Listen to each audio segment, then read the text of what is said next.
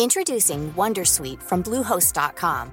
Website creation is hard, but now with Bluehost, you can answer a few simple questions about your business and get a unique WordPress website or store right away. From there, you can customize your design, colors, and content. And Bluehost automatically helps you get found in search engines like Google and Bing. From step-by-step guidance to suggested plugins, Bluehost makes WordPress wonderful for everyone. Go to bluehost.com/wondersuite.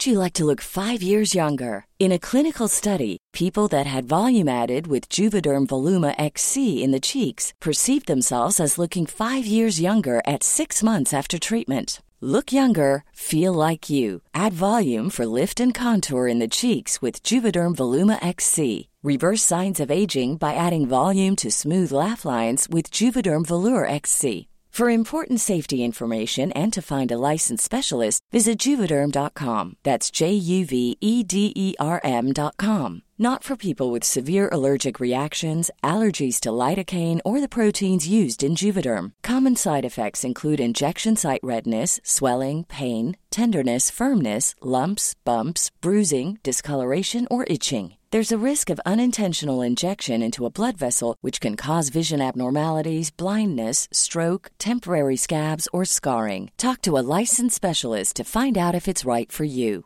Ready to pop the question? The jewelers at BlueNile.com have got sparkle down to a science with beautiful lab grown diamonds worthy of your most brilliant moments. Their lab grown diamonds are independently graded and guaranteed identical to natural diamonds, and they're ready to ship to your door. Go to BlueNile.com and use promo code LISTEN to get $50 off your purchase of $500 or more. That's code LISTEN at BlueNile.com for $50 off. BlueNile.com code LISTEN.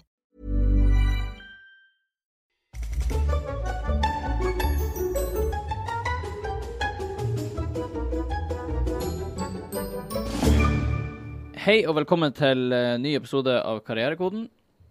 Uh, I dag skal vi snakke litt om det å grue seg til jobb. Mm. For vi, vi snakka egentlig kanskje litt tilfeldig om det her om dagen uh, når vi diskuterte mulige tematikker. Mm. Og så kom vi inn på det at vi begge hadde en situasjon første praksisdag. Ja, din var første praksis da. Min var midt inni karriereløpet. Midt inn i karriereløpet. OK, hva som skjedde?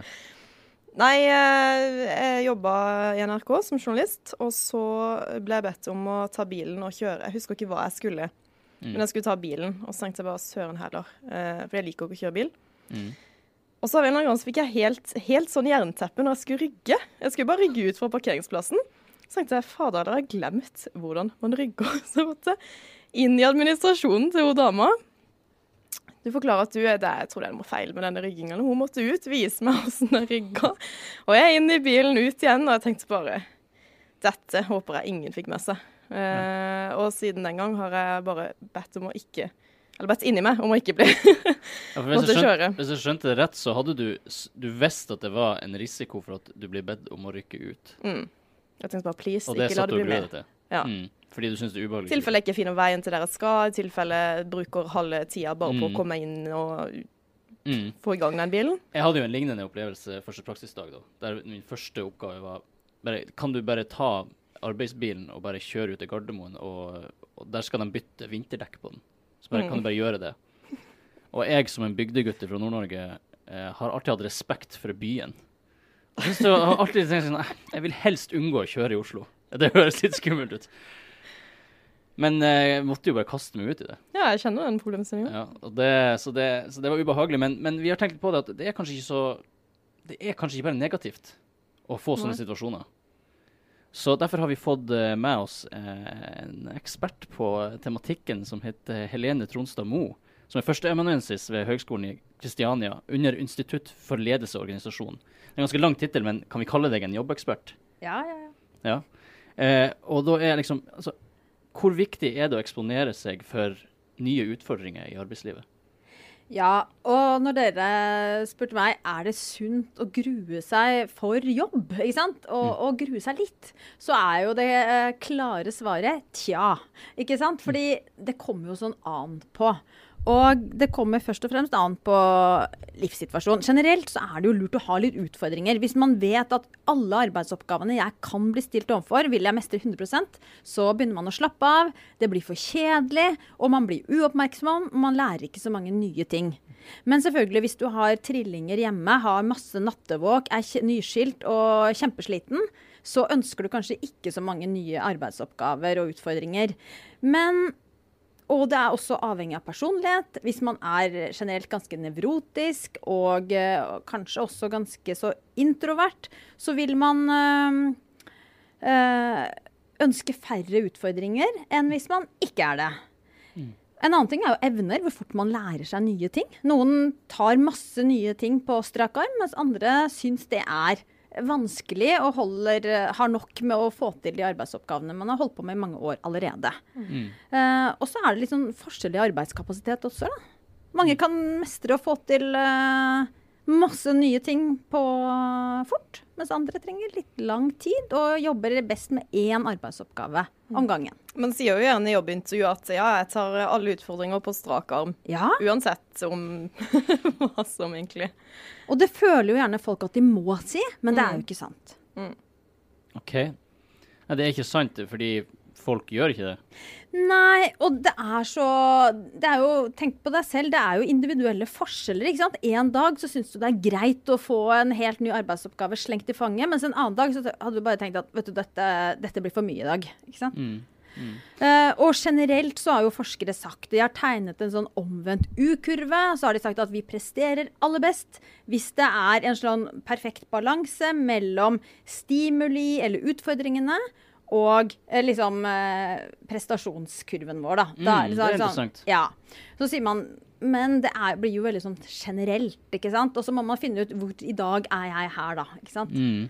Ja, for det er interessant å snakke om forskjellige personer. Ja. For jeg kan jo Jeg kjenner jo noen som syns det er veldig digg å bare være i den trygge jobben sin. Ja. Der det ruller og går, og de vet akkurat Ja. hva de skal gjøre. Ja.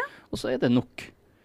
Det er vel, det er, vel er, det, det er greit, det, eller? Det er klart. Og hvis du f.eks. jobber som internrevisor. Du sitter på regnskap, du sitter og gjør det samme egentlig hver dag. Du skal være nøye, eh, kvalitetsbevisst, jobbe konsentrert og stille.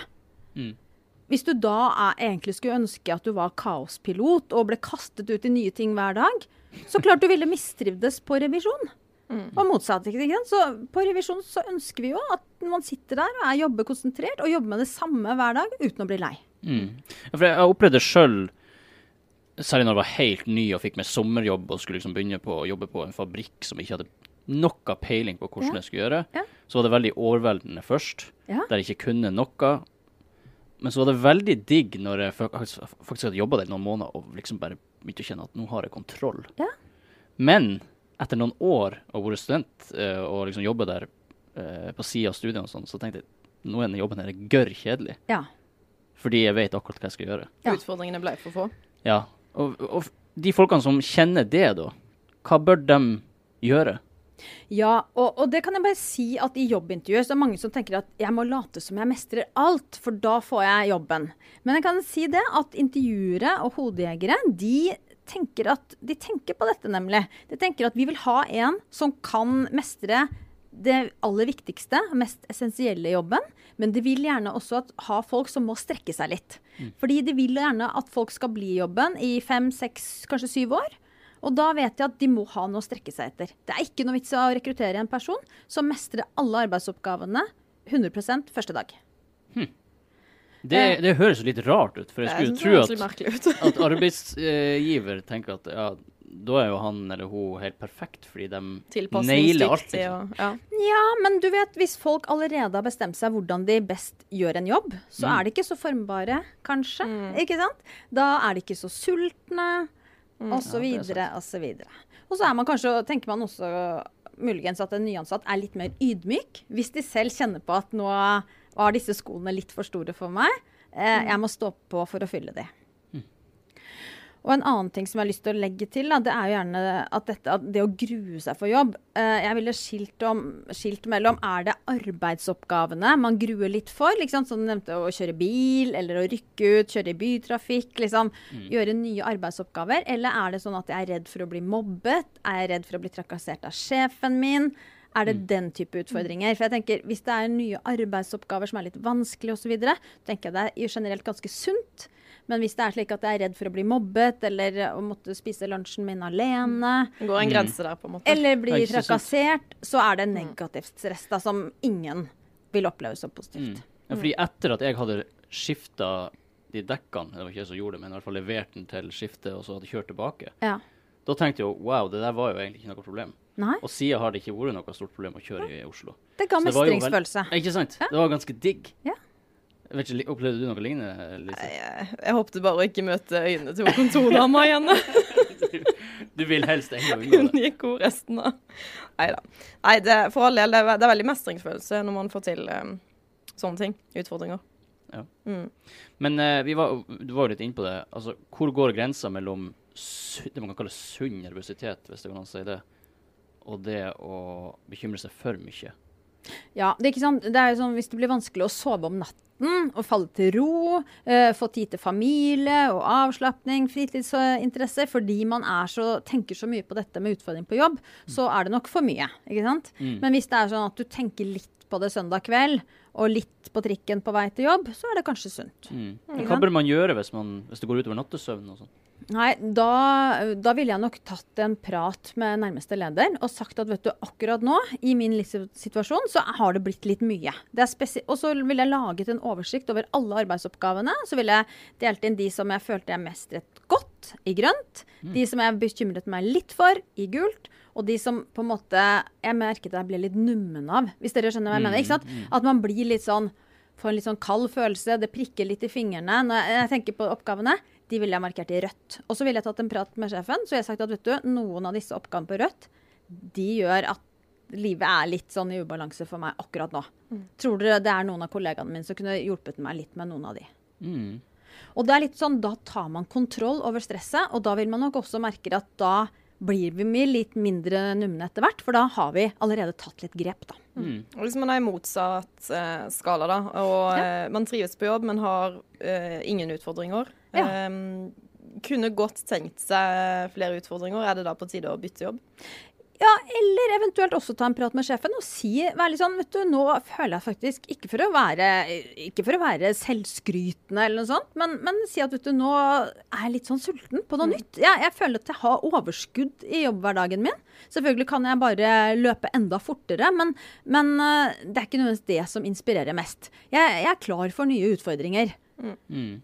Og det er jo et drømmescenario for en sjef som regel det å høre at du, dette er en, arbeids, eh, en, ansatt vi har som har større kapasitet, som kan påta seg større arbeidsoppgaver. Mm. Det er interessant det du nevner om kontroll.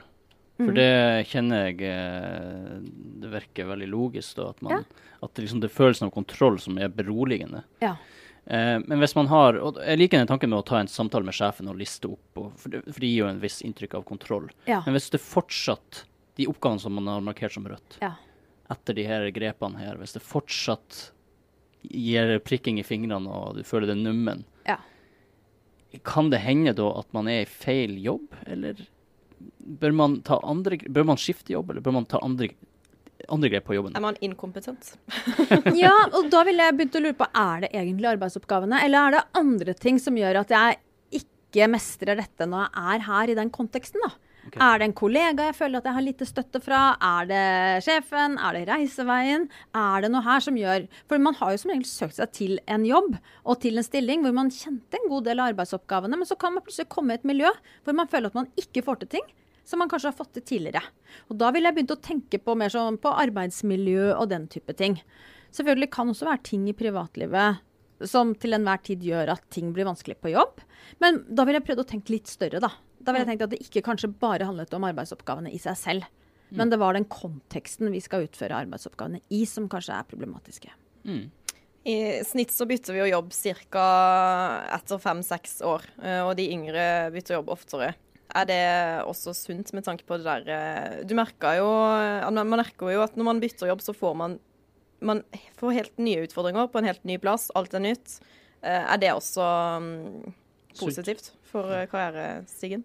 Ja, det er jo ofte positivt. Særlig det litt sånn hyppe jo- jobbbytter i de første ti årene av karrieren sier man gjerne er positivt. Men så kan man også begynne å tenke på ja, det er positivt, men hvor eh, tro vil disse arbeidstakerne bli vårt, mot neste arbeidsgiver, da? Hvis du i snitt har vært et halvannet til to år på hvert arbeidssted, ikke sant. Så, så det går en sånn balanse her, og mellom eh, hyppige bytter og det å faktisk stå i litt kjedelige arbeidsoppgaver, være tro mot et arbeidsmiljø over tid, da.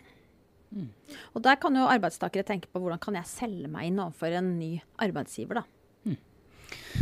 Bra. altså Hvis jeg skjønner det rett, så må man rett og slett uh, kjenne litt på seg sjøl. Ja. Hvilken person er man? Altså Det er ingenting galt med å være en person som uh, føler seg trygg og behagelig i ei stilling resten av sitt liv, der man har kontroll. Det er kanskje litt kjedelig med hvert, men det ruller og går. Men hvis man føler at man har mer innabords, så bør man ta grep. Ja, for man kan faktisk bli litt sånn likeglad da, ikke sant? og lat. Hvis man bare liksom Ja, her kjenner alle, kan alle kortsystemet, alle digitale systemer, alle arbeidsoppgavene. Ikke noe nytt. ikke sant? Da kan man begynne å Ja, kan vel komme en halvtime seinere enn vanlig? Jeg får det jo til uansett. Man kan bli litt sånn likeglad.